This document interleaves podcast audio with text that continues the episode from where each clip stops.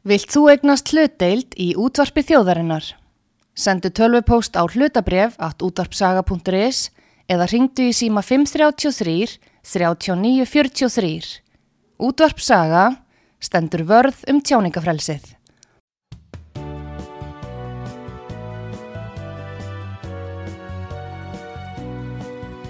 Sýteðis útvarpið á útvarpisögu í umsjón Arnþróðar Karlsdóttur.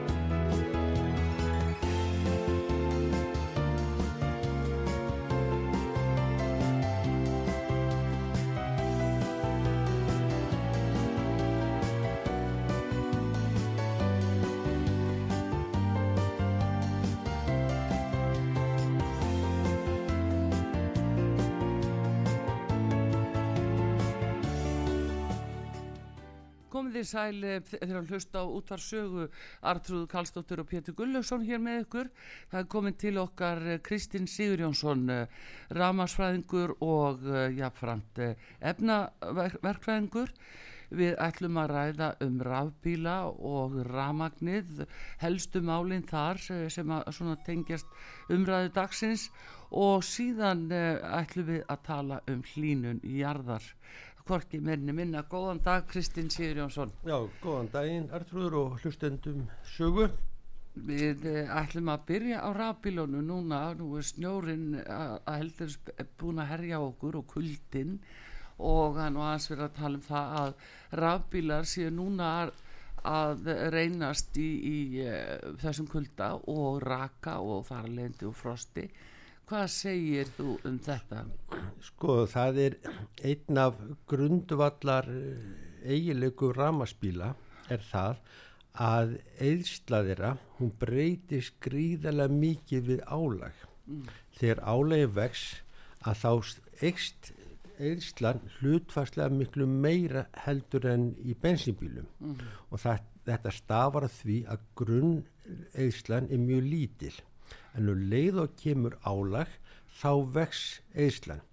Þetta gerða verkum að þegar við erum að, að miða við dregni bíla þá er það svona á tilrunabretti sléttum vegi mm.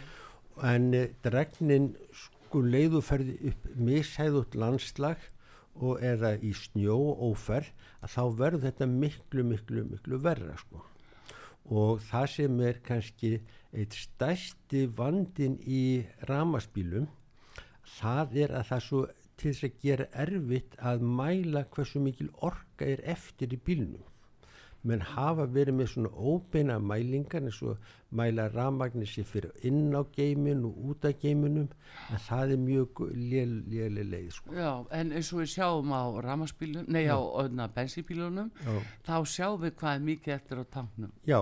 En þetta er síður á hérna Já, sko það sem, það sem gerist í sko venjulegum bensínbíl mm að uh, hann, uh, það er eldsneiti oljan mm. sem bara léttist og það flótalt sem bara sígur niður mm. annað í, í þessu líka sem fólk oft átt að sigja á er að þegar við erum á bensínbíl að þá erum við bara með einn fjörða af eldsneitinu með okkur þrý fjörðu af eldsneitinu sem bílinn notar er súrefni í loftinu Mm. Þetta gerist ekki í rafgeimunum, þar eru allt elsniti er í geimunum mm. og það er áfram í geimunum þótt að við náum orkun úr því. ger búum, látum þetta efna hvar ganga fyrir sig sem gefur okkur orkuna, þá eru efni til staðar og svo þegar við hlöðum bílinn þá eru þessi efni aðskilin en þau eru alltaf inn í geimnum. Þetta gerir verkum að það er ekki hægt að vikta geimin eins og við getum vikta bensintankin eða við með flótóldi þar. Já, já, og uh, síðan er það einn af kostum þessara lithiumgeima að þeir halda spennu sinni mjög vel þrátt fyrir að geimin sé lítið eftir í honum eða full hlaðin þá heldur hann spennunni mjög vel þannig að það heldur ekki að nota spennuna til þess að mæla þetta gera verkum að það bara mælingin er mjög erfið En uh, að öðru leiti og núna uh, rafbílar og uh, munurinn á, á, á þessu núna þegar er komið svo mikið snjór og kuldi. Já. Hvernig uh, farin högratnir hugsalega? Já, sko, það sem eins og ég sagði áðan þá er stregnin stittist rú mikið það sem menn þurfa að passa sér miklu betur í dag í, í svona ferð. Það er að hlaða alltaf bílana grípa öll tækifæri til þess að hlaða bílana. Já. sko undir venjulegu sumarveðri þá getur þú komist að með að hlaða bílinn kannski þriðja, fjörða, fymta hver dag. Já, en þegar svona ferðir þá þarf þetta að gæta þess miklu betur að bíli sé nánast alltaf fullhlaðinn. Tala nú ekki um eða þú ætla að fara að nota miðstöna líka því að miðstu tekur líka mjög mikið ramag já, og þetta má segja er stærsta kannski getur augrunin eð, eða Já. ég segi kannski ekki augrun en það sem fólk þarf að breyta neyslumusturnu að passa upp á þetta þegar kalt er óferðir já, já, hvernig þá? Uh, á það að uh, geira minna eða Nei, bara, sko, það, það er þannig þú, þú keiri bílinn Mm. og þú sér það að tankunni kannski uh, tvei þriðju, eh, helmingun eftir að tanknum. Mm. Þú veist það, þú þart ekki að hlaða fyrir til tvo daga. Já, En vandin er sá að ef þú leiðu lendir í ykkur spólu vandamálum eða, eða kulda eitthvað svoleiðis að það gæti farið svo að þú verðir ramaslus. já, þarft að nota hitan Já, mikið. já, og það sem er líka annar vandi í þessu er sá að verða ramastlaus á ramasbíl já, er miklu miklu verra heldur að vera bensinlaus á bensínbíl. Mhm, vegna þess að þú getur auðveldlega að fara á bensinstöð og fengið hérna fengið bara brúsa, helta Já, á já. en þú ferð ekki start sko á ramagsbíl, þú ringir ekki á leigubíl og byður um ramag Nei. það þarf að fjarlæga bílinn já, fara, já, já, fara með sko. Krana, já.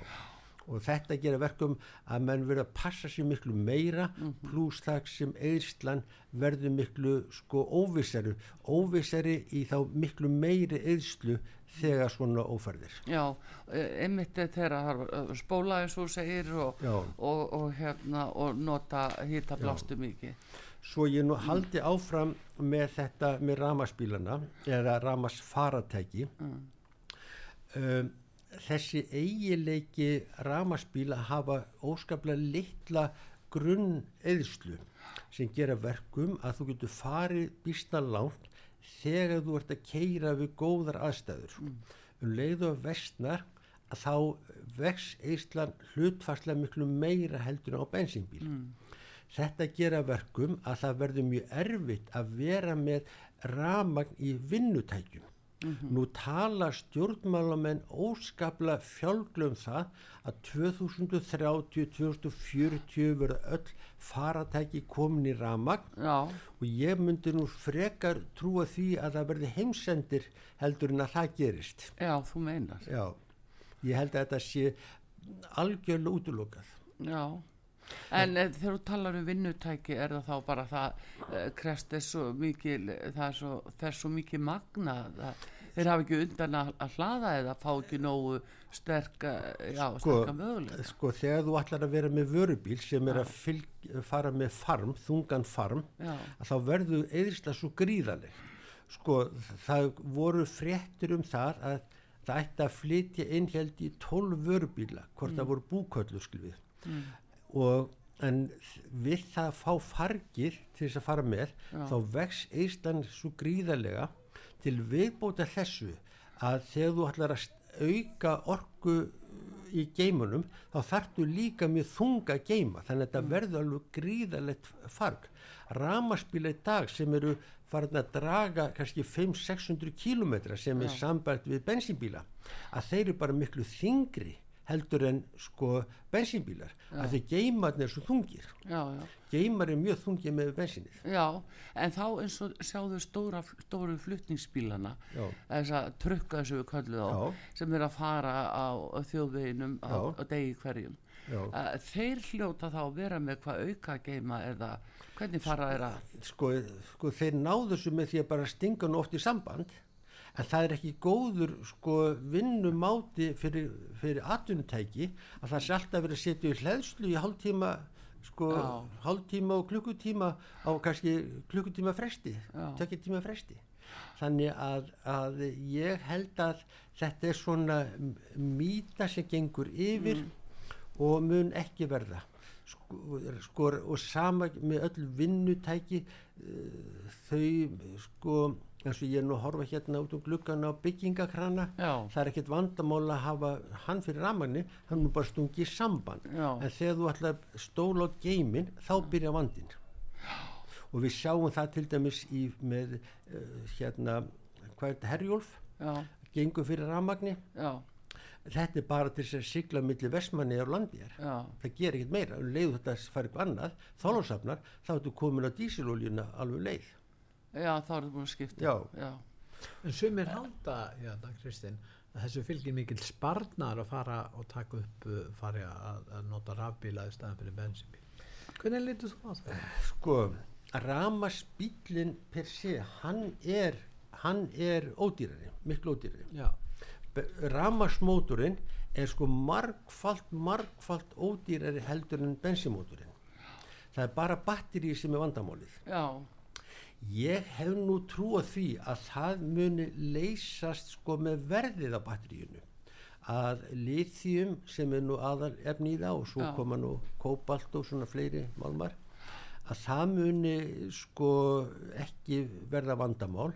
Svo fáum við svo kallan endurvinnsluferla sem gera verkum að, að uh, þetta verður endurunnið. Það sem er vandi með ramaspíl dag það er þingdin þegar það er þingri en ég held að ramaspíl eigi góða framtíð fyrir sér í bæjarsnætti ég set spurningamerki við leigubíla sömur leigubíla hafa farið út í ramaspíl já, en, en uh, það getur verið það sé svo grensurnar Já. ég á ekki vona því að að vörubílar eða flutningabílar sko sem fara landshotn á milli fari í ramaspíl svo ég tala ekki um skip og flugvill já, en já, mun einmitt. verð á rafmarsbílun að fara lækkandi? Ég sá að Tesla var að uh, lækka verði hjá sér um 20%. Já, sko eins og ég sagði áðan ramaspílinn í prinsipinu er, er miklu ódýrari. Mm. mótorinn, það, það er ekki, kælikerfi, það er ekki smurkerfi það er ekki, ekki sko, ekki knastdásin eða solis þetta er, það snýst náttúrulega ekki dísun neðan bara öksullin og, og hérna síðan er tölvubúnar allt saman. Hann er ennþá að sko verða eftir að falla sko þegar þróunukostnanu er greittur en batterið er ennþá alltaf stóra vandamálið. Og það sem getur svo líka verið ákveði vandamál að batterín eru sko mjög stór hluti af verði bílsins í dag. Og það á til, dæm, til dæmis eftir að setja spurningu með, með endursölu. Já. sko ef þú kaupir ramaspíl sem er með lélum batterjum þá ertu að kaupa verðlusam bíl já, en hvernig getur þið vita að bílinn er með lélugum batteri Já, það er, það er stóra vandamál. hvað er mælingið þar. Já. Sko, það, það er talað um það að það setja að taka út rafluðnar. já, Um, ég, það er nú svolítið síðan ég fór nú að forveitnast um þetta hvernig það var gert. Og það var náttúrulega lítið um svör vegna þess að þetta er teknilega mjög erfitt að, að, að mæla sko hérna gæði batteríana. Þú þyrtir eiginlega sko afhlaða batterið og hlaða upp aftur og sjá hvernig það gerðist. Það er bara svolítið snúumál. Um, átt okkur því að hver raflaða hún er ekki nema 3,5 volt. Já. svo er þau raða saman í rúmlega 100 þannig að við erum komið 400 volt mm. Og það þarf þá að skoða hversu stór hluti þetta eru 100 rafluður Já. sem er rattindar, ég hef kannski annað eins eða eru hlitindar þannig að það getur verið svolítið vinna að fara gegnum þetta allt saman sko. Já, til að finna hver umvöldlega staðan er já, á- já, það getur verið einstakar sellur ónundar en, en resti mjög góð Já, já. ef sella hérna eins eitt raflaðan af, af þessum hundrað bilar, klikkar Mm. að þá getur hún dreigið mjög mikið úr virkni hinna Já, af því að það eru rattindar sko. þannig að þarna sko vil ég nú meina að sé bara eitthvað sem tíminn á eftir að leysast sko, teknilega séð sko já. En- En, uh, núna eins og segir uh, 2030 eiga uh, öllu ramasfaratæki vera komin í umferð en sko uh, Kristinn uh, þegar við horfum kannski enn lengra fram í tíman að þá er þetta spurningin um þessa málma sem notaðir eru eins og kóbalt og, og, og lítium já. hver, hver, hver eru byrðirnar? sko, Hvað það, er vitað um uh, þess, þetta öryggi? sko það var talað um það að það verður skortur líþjum Já, en uh, það var náttúrulega vegna þess að mann voru ekkert að leita lithium svo fórum mann að leita lithium og ég, ef ég maður rétt að þá fann svo mikið lithium að námönda fóru suma fóru á hausinn sko það fjall verðið. Já, en uh, sama gerist með þessa kóbalt og, og þessi smámálmar Já. sem eru notar í þetta. Þessi smámálmar, þeir eru ofta skræðlega þungir málmar að, að menn hafa nú eitthvað ekkert verið að leita svo mikið af þessum málmum. En, en uh, ég bara mæti því að það var mikið tala um þetta grænlandi, jafnvel á á hafsbotninu fyrir grænlandi svona málmar en menn viljast nú ekki að fara í að vinna það Það Nei, en sjáðu þá, hvert er, hver er þá framtíðar sínin ef að það liggur ekki fyrir að sé nægjalegt efni?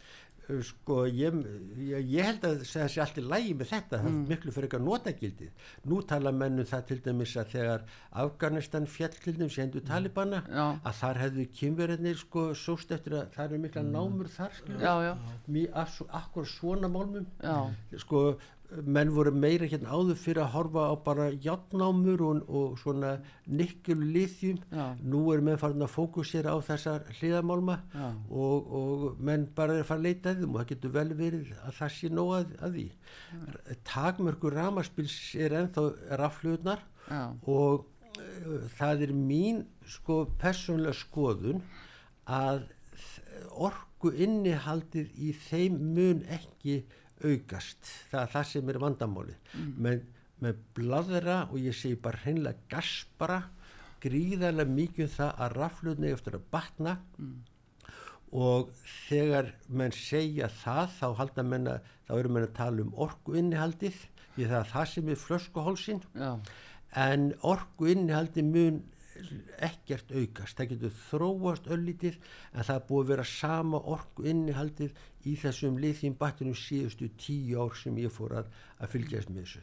0,8 sjúl á hvert kilogramm eitthvað svolítið, er, þetta er eitthvað alveg sko, við, ef við, ef við miðum við tölurna þá er það 44 megasjúl á bensíni á hvert kilogram en held ég 0,8 í batteríunum þannig að, að bensín eru það byrj sko 50-70 sinnum orku meira já. Er, er eitthvað til sem heitir að, að ramaspíla séu uh, betri eða verri í snjó og við þessar aðstæðu frost og raka, bleitu og, og hvað með það? ég myndi halda að ramaspíla myndi vera betri, það, það er miklu auðveldra að stjórna mótornum, þú getur það er auðveldra að, að deila álægnu milli dekja Já. í þessum.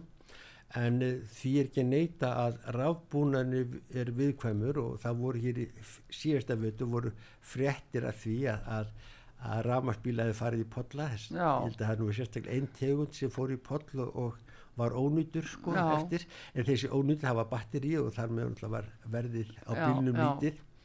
Nú ég hugsa um þetta tilfelli þegar ég horfði á uh, asarlákuna í, í veðakortunum og Reykjavíkuborg var sérstaklega dugli við að reynsa niðurföll. Mm. því að þetta er náttúrulega leiðilegt fyrir Reykjavíkuborg sem er aðgetira fyrir ramaspílum Já, en uh, ég sko því ekki að neyta að batterín eru alltaf neðst en ég myndi halda að menn myndu frekar sko reyna að laga búnaði, það er svolítið flóki búnaður sem breytir batteri í ramagni yfirlega í mótorramagn mm -hmm. það er mjög, mjög flókin búnaður mm. og hann þarf að vera vel lokaður sko. Já, þannig að þú eða að segja það Kristín að, að ef það eru svona podlar á göttunum og að þá er þeir sem eru á ramaspilum síður að að keira ofan í það. Fara, fara varlega, sko. fara varlega. Það var hérna í gamla þetta þá voru menn að bleita kveikjurnar og svona stilvi sko. já, nú já. er það bara ramaspúnari sem blotnar sko. já, akkurat. Já, en er ekki einn stærsta spurningin hver hefur efna á að kaupa ramaspíl vegna þess að þeir voru að auðlýsa það fórseti bandaríkjana var að auðlýsa eitthvað ramaspíl fór sérfulett held ég. Frá hérna general eða frá hérna fyrirtækinu hérna og uh, kostaði millir 80-90 dólara og það var fyrir bara ofan greiðslu getu já, helmingur bandaríkja manna hefði ekki efna á þessu. Já, sko eins og ég sagði áðan að, að hérna þá held ég að að uh, ramars bílarnir mjög lakki verði um, þarna til dæmi sjálfvirkni og, og getur satt gerfugrind kemur mjög vel inn í framljóslu á ramarsbílum er, hvernig þá? sko það er það er miklu minna floknum samsetningum eins og er í bensínmótor sko. það er, það er gríðarlega flókin samsetning að setja all sveifarásanna, kveikjurnar og kælikerfið og, og þetta allt, allt saman saman. Já. það er ekki í ramasmótunum ramasmótun er alveg ótrúlega þægil, sko einfaldur, góður og uh, hann er, hann er, hann er endingagóður. Það er aldrei, náðast aldrei að smyrja þetta mm. kannski smurkoppar og allt svoleiðist, þannig að ég myndi nú halda það að þegar sko við erum búin að fara í gegnum þennan þróuna feril þá munir það leysast en battinni verður vandamál. Og það er mín persónulega skoðu sem ég reynda að lasum að, að þýskur bifilega hverjum það líka að framtíð ramaspílsins verður í litlum, litlum borgarbílum. Já, þar verður framtíð svona innan bæjar já, bílum já. það er mín persónulega skoðun mm. að bílum muni fjölga alveg sama hvað borgar yfirveldum langar til þess að fækka þeim. Þá gefur bílin okkur ótrúlega mikið frelsi til þess að geta val okkur vinnu eftir aðstæðum sko, við, erum ekki sama borgarkverfi geta mm. skipt um vinnu og, og börnin geta verið í skóla í, í sínu hverfi svo geta verið með íþróttir Já. tónlistanámi þannig að bílinn gefur okkur gríðarlega mikið sveigjalega og ég mun ég hef þá trú að venjulegu enga bíl sé framtíðin þanga til við fáum sjálfagandi bíla sem getur nú verið annar kapli Já. og þeir getur nú verið í sjónmáli svona í ákveðin hverfum mm -hmm. og þá er kannski komið meiri grundvöldu til þess að fjölskyldan fækki bílum mm. því að sjálfsakandi bílar munu vera miklu ódýrari heldur en hérna venjulegu legubílar mm. því að stærsti kostnaði við legubíla er aukumærin hann er, situr og býður stóran hluta af tímanum og náttúrulega er allan all, alltaf með bílinn sko. Jú, jú, það, það, við þekkjum það Já. en, en hins vegar að þá hérna er þetta svona spurningin að, að, að það er hvart mjög til þess að fólk noti helst ekki bíla að vera að reyna að, að draga úr því en þú uh, segir að það verði alveg þvertum en hér náttúrulega við íslenska veðuraðstæður þá þarf fólk að hafa enga bíl. Sko málið það að ymmit, veðri á Íslandi er náttúrulega allt annað heldur en an, annar staðar Mm. Já. þá við Suðurlöndum og það er ekki bara hittast í, það líka sko rókið Mm. sem er stort vandamál hérna en eh, svo náttúrulega eins og ég nefndi áðan þetta frelsi til dæmis að, að hjón sé geta sko búið einust á unnið sikkuru borgarhlutunum Já, og þess að sko. Þetta, þetta er það sko maður veit það í stórum borgum þar ganga svona vagnar og það skiptu var miklu máli að ferðatíni sé sko tíð. Og ég verð nú að segja það að ég skil ekki alveg hvað borgarlínan á að leysa af því að þú getur list öll þessi vandamál með því að auka ferðartíni strætó Já. það er svolítið gallað að þú missir af strætó og þurfa að býða í 20 mínútur Já. það myndir strax verið betra að býða í 10 mínútur eða 5 mínútur og svo líka að þetta skipta að, þurfa ekki að býða þá aftur í kannski 15 mínútur, eða 20 mínútur og ég myndi nú halda það að vera að leysa þetta vandamál með meiri ferðartíni og betri byggskilum því að þetta er Já. svolítið slemt en það er nú annað handlugur já, já, en það er líka, fyrst þú segir þetta að eh, til þess að nýtingi verði betri hafa minni vagna já, já. og sem taka færri en koma oftar, Já. fleiri. Sko ég, ég veistu, ég hef ekki uh, farið ofan í þetta en Mm. ég held að, að menn hann nú velt þessu fyrir sér því vagnandi ganga sko hálf tómir nátt allan Ég daginn nema yfir uh, röstíman já, já, það er nú það sem er Heyrðu, ef við ætlum hérna líka Kristín að ræða við aðeins um ramagnið og það sem fólk er náttúrulega að horfa í það er svona ræðslan við að eh, við verðum beintengt eh, við euróska markaðin og fáum alla verðhækkanir sem við sjáum Já. kringum okkur og uh, það er svona það sem Mér að langar þó þess aðeins að bregða út af hlýðarmáli já, sko þetta sem þú ert að tala um orkupakki þrjú Mhm. Og það er út af sjálfi spers mál og, og það er nú bjarni verið betri en engin en mér langar öllítið að tala um hlýðarmál það er það sem við köllum raf elsniti já, það er eitt tísku orði sem sprettur upp. Já, raf eldsniti já, já, já. þannig sko það er þannig að þeir sem hafa pælt út farið hún í teknimálinn í þessu þeir átta sig á þessum annmörkum sem rafgeimurinn hefur Mm. og eru sennilega búin að kaupa það líka að orkuþjallegin mun ekki vaksa neitt verulega.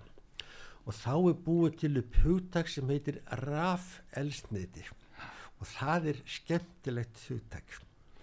Það er að búa til þetta sem við köllum fljótandi elsniti bara bensín já, með rafmagni þetta er nokkuð sérst, já. og þetta er núna nýjasta sko tíknorðið og veð, veður hér á súðum. Mm, uh, þannig mál með vexti að uh, menni trúa því að ef við hleypum út koldíósið mm, þá mun heimsendirinn banka bara á himminkvolfin bara himnaríkið bara fljótlega sko. Já, og þess vegna hafa mann reynd að búa til fljótandi elsniti eða það þarf ekki nöðsynlega að vera fljótandi. Vetni er, er, er, er eitt af þessum elsnitum en þá þarf að búa til úr rafmagni. Það sem er rauði þráðurinn í þessu, þessu hug, hugsun er að búa til það sem við köllum bruna elsniti það sem þú nýtir þér það að, að þú stór hluta er loftið í, í súrefni í loftinu þannig að þú þurfi ekki að flytja það með þér. Uh, elsniti sem þú flytur með þér það mingar þannig að getur það léttist og hægt að mæla magnið og allt þess að það þannig að þetta er bara svona fallet orð yfir fljótandi elsniti ég segi nú bensín en það er náttúrulega er, er kannski ekki bensín en þó lífdísil hafa menn sko nota líka já, sem er raunni bara uh, kolvetnissambönd. Þetta er, þetta er kolvetnissambönd í þessu öllu saman. En rafelsniti er þannig að það þarf að vera nota rafmagn og það má ekki taka kolefni úr jarðveginu, úr olju það þarf að taka kolefnið úr loftinu eða kolefni sem er að fara út í loftið. Já, þarna hafa menn farið út í að hýrða koldíósi sem kemur úr hérna jarðhita hita hérna orkuvörunum. Það kemur mikið kolsýra þar. Já, þetta er alveg kolsýra koldíósið og svo er eitt miklu ramagni þegar búið til vettni og svo er svona farin í flókin efnaferil og menn fara út í oftast metanól.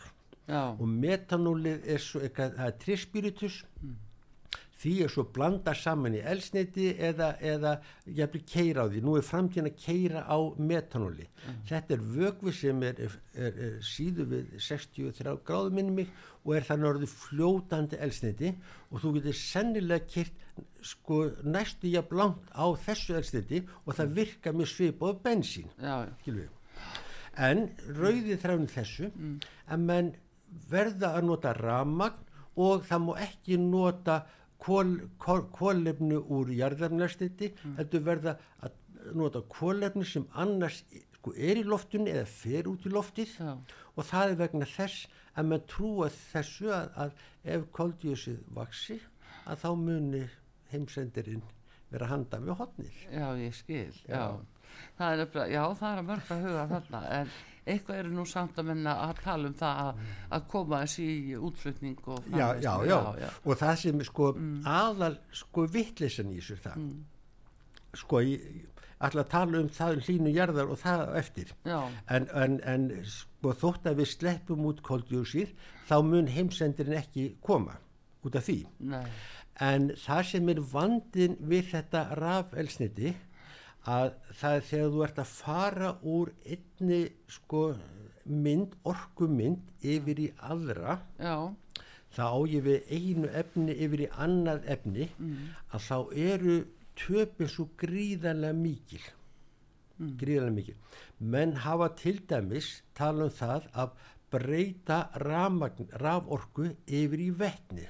Já, þá eru menn ekki með nema kannski um 60% nýtni sem, sem er til þess að gera hátt í þessum efnafærlum en þegar þú ætlar svo að breyta vettnunu aftur yfir í ramagn þá ertu komin í 40% nýtni.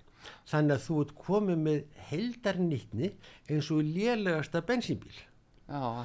Slu, og, og bara af því að þessi, þetta er þessi trúabröð að það megi ekki mynda koldísi það þurfa að fara út í svona bull búa til metanól eitthvað svoleiðis sem kostar alveg gríðarlega miklu orku bara til þess að það myndist ekki koldísi sem fer í loftið. Til þess að áraðurinn hafi ekki verið marklaus. Ah, Já, já. Erðu áfram hér og eftir mitt á útvarpisögu við ætlum að tala við uh, hérna um uh, vind, uh, vindmillur og við ætlum að tala um ráskuna sem að hugsalega kemur þaðan. Og síðan hlínun jarðar það er Kristinn Sigurjósson fyrir um lektor við Háskólinu Reykjavík. Hann er ramasfræðingur og efnaverkfræðingur og við komum aftur eitt skamastund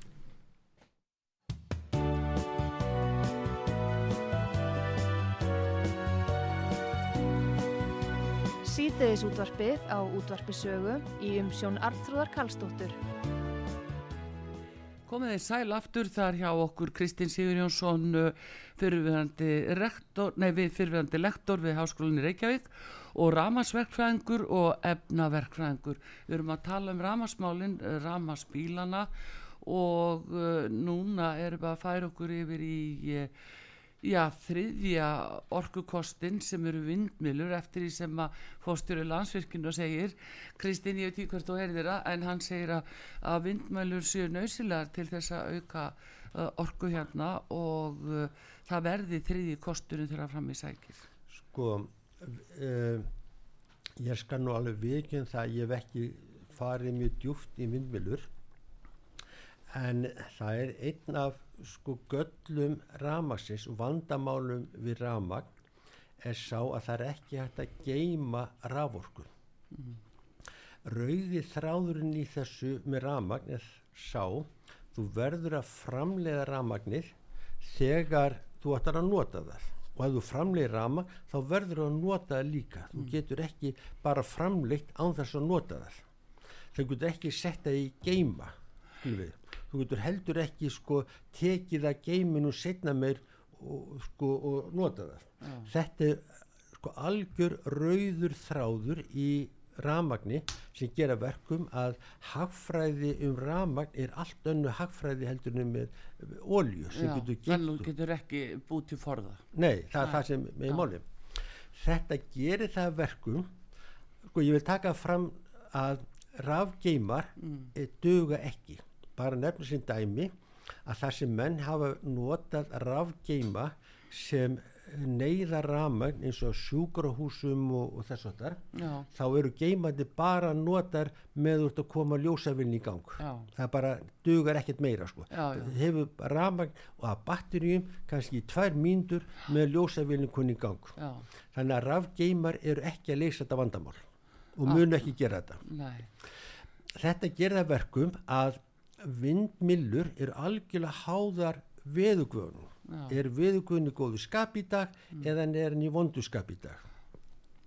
Þetta gera verkum að menn Evrópa fór út í þetta og það er möguleiki að vera með vindmillur sem stóra hluta af sinnu orkuframleyslu þar sem þú ert að framlega restina af ramagnu með gasi. Já, þannig að það kemur veðguðnir fari í gott skap að þá skrúa þú fyrir gasið, gasbrennsluna. Þegar kemur að ólju þá er þetta erfiðara, mjög slent með, með kólu vegna þess að, að sko sveigjanlegustu orkuverin eru gasorkuverin, svo koma óljuorkuverin, kólaorkuverin og svo ósveigjanlegust eru kjarnorkuverin. Um, undir venjulegum kringustæðum að þá er nótkunnin fyrirsjáanleg vegna þess að við höfum þetta meðaltal neysla mikið á daginn og svo minkon í kvöldin fyrir nýri 60% á kvöldin og þú getur aðlagað framleiðsluna að þessu já, þannig getur þú verið með kólorkuver þú hefur góðan tíma til þess að keira þig niður þegar hérna þegar uh, sko, nýstlan er að minga. þetta gerist ekki með kjarnorkuverin. Þau framlega bara sömu orkuna nákvæmlega sömu orkuna dag eftir dag. Mhm. svo gerist það að menn fara að byggja þessa vindmilur já, og, allt voða flott. Svo, svo bara fara veðugvöðna brosa og fara að framlega mikið ramagn mm. byrju hvað þá að gera? Jú, við getum skrúa fyrir gasið. En þú skrúar ekki svo auðveldlega fyrir, fyrir sko kólinn mjög skyndilega nema þessi fyrirsjávalegt og ég mann það að fyrir eh, nokkrum árum síðan að þá komu 23 dagar á árunu sem orkuframlegendu þurfti að borga með ramagnu af því að ef þú framlegir ramagn að þá verður að losna við já, og, og það er kjarnorkuverin þau eru eigu erfiðast með þetta og þau þurfa þá að losna við þessi varma. Og þannig hefur þessa miklu kæluturna í kringum kjarnorkuverin um, þegar þetta gerist óvænt þá þarf að borga mér ramagnu þannig að vindmillur henda mjög illa í svona, í svona lögum og mér skilst í dag að nú sé þetta búið komið það langt að Evropasambandi sé hægt að styrkja vindorku ver út af meðan það kom svo mikið af þessu og þau hafa þennan vanda þá skulum við snú okkur að Íslandi já, það er akkurat málið. já, En það er dýrar að hér. framleiða ramagn með vindmjölum. já Þá þarf að greiða með því og nú er þeir að hætta vegna þeir hafa ekki efna því að greiða. sko, þá, sko þetta er stórt vandamál. Mm. í Bjarni Jónsson sem hefur nú kafað miklu betur í þetta hann vildi meina það að ramagn með vindmilu verið tvöfalt dýrara Já, og ég myndi nú halda að það verið minnstakostu tvöfalt dýrara en svo er ennþá sko óbeitt kostnaður og það er áræðaliki það er engin áræðaliki í vindramagni já, já, en þar sem þú hefur uppistöðulón að þá er möguleiki að skrúa fyrir vaskrannan þegar mikið sko vindramagnir. Sko það getur við gert að því við höfum margra mánada miðlunarlón. En þetta er dýrt ramagn og uh, það er spurningin hvort þetta sko sé æskilegt.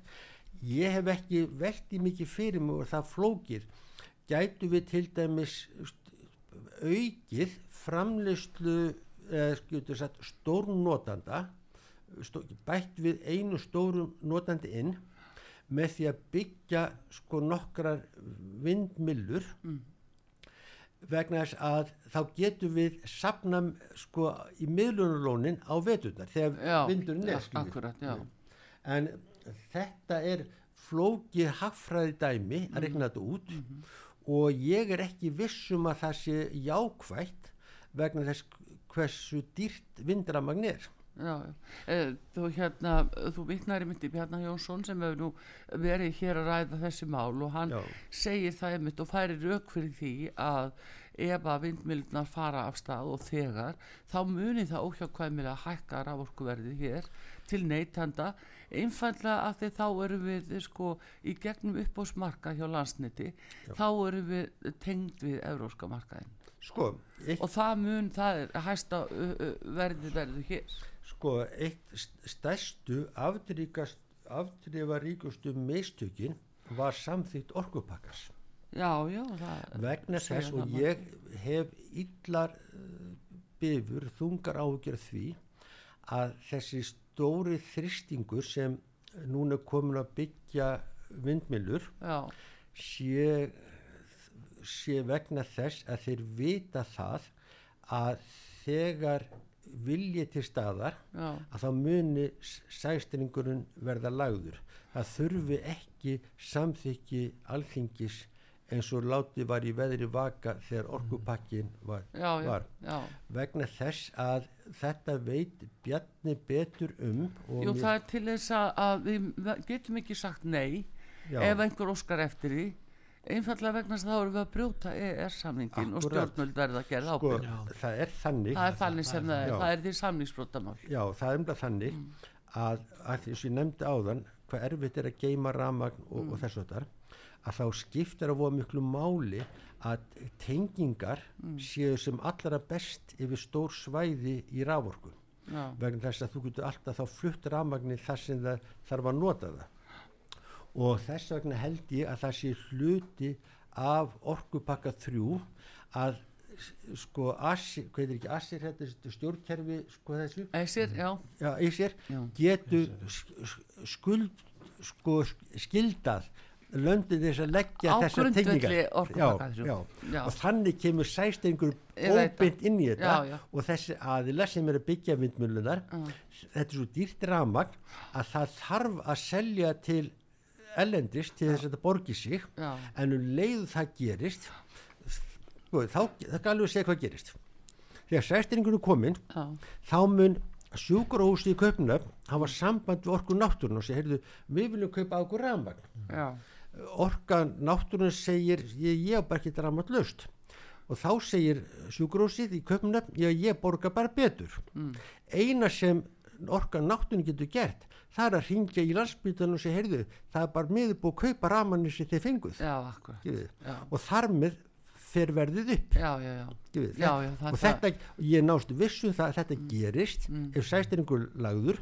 Og ég vissum að sæstringur verður lagður vegna þess að vindmjölu munu pressa á það þegar það er kemur. Já, er já, ekki vandin sá að það er alltaf mikil áróður í þessum lofslagsmálum en ræða ekki, umræðin er ekki nógu góð. Jú, sko, það er nú það er nú einmitt það sem við ætlum að ræða núna og það er þessi, þessi fullir yngum hlínunjarðar og við hér Íslendingar horfum á bara snjóskaplan og frostið og kuldar en aldrei meira e, já, frost og kuldi heldur bara síðustu ára ef ekki meira. Þannig að, að hver á eiginlega að trúa því að hér sé einhver hlínunjarðar hvernig, sko, hver, hver, hver, hver er sannleikurinn í þessu?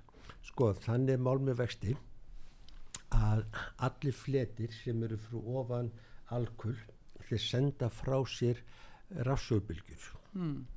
og eftir því sem hýtast í meira að þá breytist tíðnin á þessum rafsöðbylgjum og hérna og styrkurinn vex líka og þetta er notað í það sem við köllum hitamyndavílar þetta er þekkja hitamyndavílar þá tökum við svona mynd af, af fleti og sá flutur sem er heitari hann kemur út með, með sko aðra bylgjulit heldur en sá sem er kaldur. Og svo tölvubúnar sem breytur sér við rauðalit og bláalit þannig að okkar auga sjá þetta. En þessar bylgjur koma líka frá jörðinni. Jörðin er með meðhittast í 15 gráður. Svo, og er svona breytitt frá kannski mínus eh, 10-20 gráður upp í 40 gráður. Að það tala um meðal hittastíði sé 15 gráður. Það sem gerist þegar uh, svona bylgjur fari gegnum gastjúnd uh, gegnum efni að efnatengin gleipa orkun í þessari bylgu og það er akkurat þetta sem gerist þegar við erum að hita í örbylgjöfni mm. þá er sendin ákveðin bylgja Já. sem vassmólukúlir gleipir og þetta er bylgja sem er unni á svipari bylgulein og varmageslandi sem koma frá jörðinni Já. og vassmólukúlir gleipa þessa bylgulein og maturinn hittnar mm -hmm. í jörðin er þannig að, að þegar þessar bylgjur koma frá jörðinni og gastunnar í hérna í loftinu gleipa þetta þá hittnar gastundin vandin er ekki vandi heldur starrindin er svo að þetta gildir um allar gastundir mm. í loftinu en þó í mismiklu mæli minnst er þetta hjá það sem við kallum tvíatómamólukúlum eða samendum eins og köpnefni sem er lang mest í loftinu og svo er súrefni. En svo höfum við þarna sko, samendir sem eru floknari og þar höfum við sko, meiri gleipni af þessum varmagislu, við kallum þetta varmagisla Já. en þetta er í efnafræðin kalla infrared radiation. Mm og er mikið nota við efnagreininga til að sjá hvers konar efnatengi er á milli mólkúna eftir á hvað bylgjulindi taka og þetta er á þessu svæði sem varmagislanir eru. Já. það sem er aftur á móti sko, það sem engi talar um það er að vassamendin hún gleipir mjög mikið af þessum gislum og eins og koldjósið Já. en menn tala eins og vass samindi sér bara ekki til í andrústloftinu Já, og þeir að vera að tala um þessa hlínu Já, Já.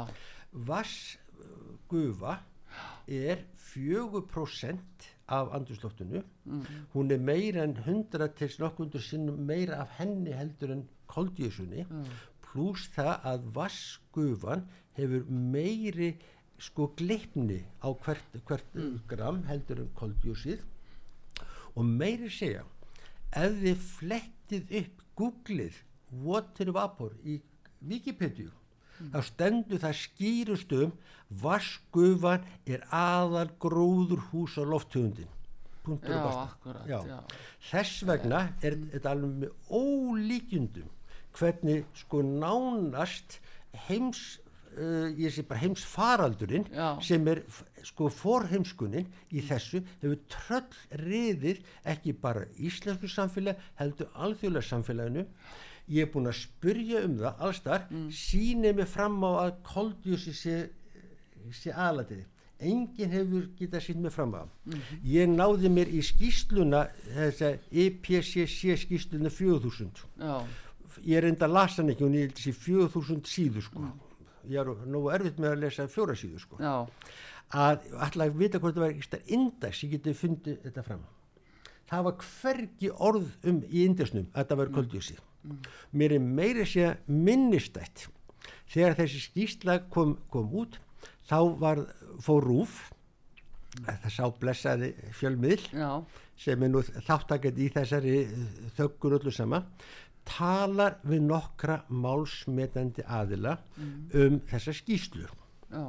og það var sagt að það þurfi taka á þessu vandamáli hlínuna mannavöldum og kolsýru og, og svona og, og þanga til að komu að hás, háskólarum mm. þá brá svo já, já, hvað gerðist þau að tala við akademíuna? Já, sko, þá, mér var virkilega skemmt sko, mm. vegna þess að sá sem svara fyrir háskólan sagði, jú, hlínu jarðar sem held ég flesti séu sammála með sagði það eigur veður öf, öfga. Já. það er fyrir sig ekkert nýtt já, við vitum það að, að stormsveipi koma það heitast í sjáari yfir 26 gráður eftir því sem verður heitara þá meira hætta á að stormsveitinni verður meiri sko. já, en ef það hefði átt að fara í koldísuðið mm þá hefðu þurft að fara í gömlu efnafræðikennara mína fara í gömlu sko, efnafræðibegunar þannig að þetta var algjörlega klift út. Það var, það, var, það var greinilegt að bæði spurningun og svarinu var greinilegt klift út úr spurningunum þannig að fulltur Háskólu Íslas sagði ekkert um það hvers vegna jörni var að hlýna. En hefur ekki Já. akademían brúðist við það? Jú og veistu það, þarna kemur þessu stóra vandamáli sem ég vil nú meina þessi akademían sko, ríkið er orðið svo stór aðili í allri rannsóknar vinnu skilfið að það þorir enginn að rugga botnum. Og það er búið að segja þetta mörgu sinnum. Mm. það nánast ekki að taka mark á neinu manni nema sem komin á eftirlaun eða algjörlega með sjálfstæðvinn Hann er svæningir ansóknar styrki ef hann er að starfi í akademíun Nei, hann, það er bara hverfur. En er það þannig að, að þá er þeim vætlað að, að, að finna einhverja niðurstu er búið ákveða fyrirfram að þú átt að finna þessa niðurstu já, sem hendar pólitíkinni. Akkurat, það er sko já, það má segja það, það þú verður að sko taka einhverja hlýðar og það, það eru öll mál hafa marga hlýðar og þú getur skoða árið þess og hins Já. og þú þarf bara að velta fyrir þér mm. hvaða áhrif þú ætlar að rannsaka mm.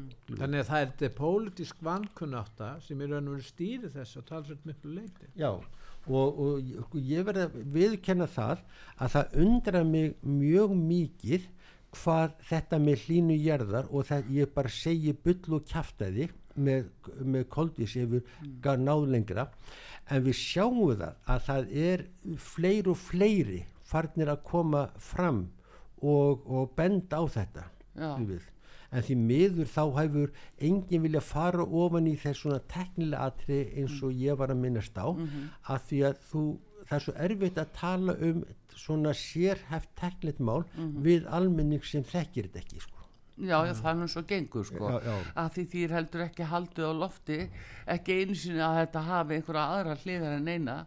Þannig að uh, það er nú allavega skrefið rétt átt. Já, menna það er viðkend en ég... bara áttan að gegn klínun jarðar á að kosta triljónir á hverju ári.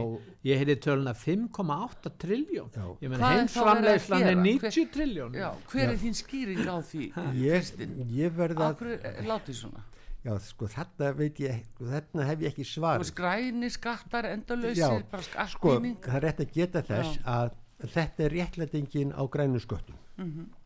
Og þegar, sko, nú er það eðlilegt að þú skattlegur það sem kostnæðurinn kemur. Já. En það er svolítið merkilegt að þú lakka þá aldrei skattamóti mm. og til dæmis uh, kólefnisskjaldir, mm. það fyrir ekki til þess að vinna gegn kólefni Skilvið, það er, það er bara en hvert fara þessi peningar? þeir fara í hýtina Já. og hýtin beinur svo í sjóðakerfið Já. sem á að styrkja það sem þeir vilja styrkja. Þess vegna vilja stjórnmálamenni fylgja þessu hlauga miðstinningu og tekjur ríkisins. Og þetta er rauninni sko, svo maður notið bara gamalt íslensk gott mál leitir sem ná hreðjutaki á atvinnlífinu og vísindaakademínu Já, það er bara mjög sko Já, já, en hérna það er hins vegar e, það er náttúrulega búið að virkja alþjóðarsamfélagið þetta margum tala alþjóðarsamfélag það er búið að virkja það gríðilega það er núna verða ríkistjórnir allstar að hafa svo og svo mikið fráteki fyrir græna skatta. Já, já. og ef maður reynir að átta sig á því sko nákvæmlega hvert þessi peninga fara þú segir, jú þetta fyrir sjóði. Já og sem að síðan er það bara handstýrt eftir að Já, til þess að hafa tök eins og ég segi hreðjutak á, á sko umræðinni já. til þess að fá rétt umræð og ég verð nú að segja það ég nú verið gaggrinni mjög á fjölmila mm. og mér finnst fjölmilar hafa brúðist gríðal í, í þessu. Og eitt af þessu sem þið gera er að styðja fjölmila því þá þórar ekki að að rugga bátna þetta er hluta þessu Já, þú meinar það. Já. Stýra tjá, tjáningafrælsisumræðinni og, og jafnvel að innlega skerðingu. En sko mann finnst einhvern veginn sko eins og þarna hjá okkur allavega á Íslandi að við okkar sérstaku já, uh, veður fastlegu aðstæður og, og jarðfræðilegu jafnvel líka að uh, það er svo hæpið að fá okkur til að fallast á það að hlínun jarðar hafi þessi gríðarlegu áhrif eins og umræðan er. Já. það er ímist að við séum alveg komin að því að kapna við fáum ekki súrefni Já, allt fyrir 2030 skilur þetta er alveg komið út í svakalega geggjum. Sko hluti af þessari umræð er líka komin til að því að við höfum svo gott uh, sko samskipta kerfi þannig að núna má valla sko nöyt degjuð úr, úr þorsta í Afríku þá er það komið í fjölmjöli hér. Já, en það er alveg örugt að fyrir 200 ár síðan þá eða 500 ár síðan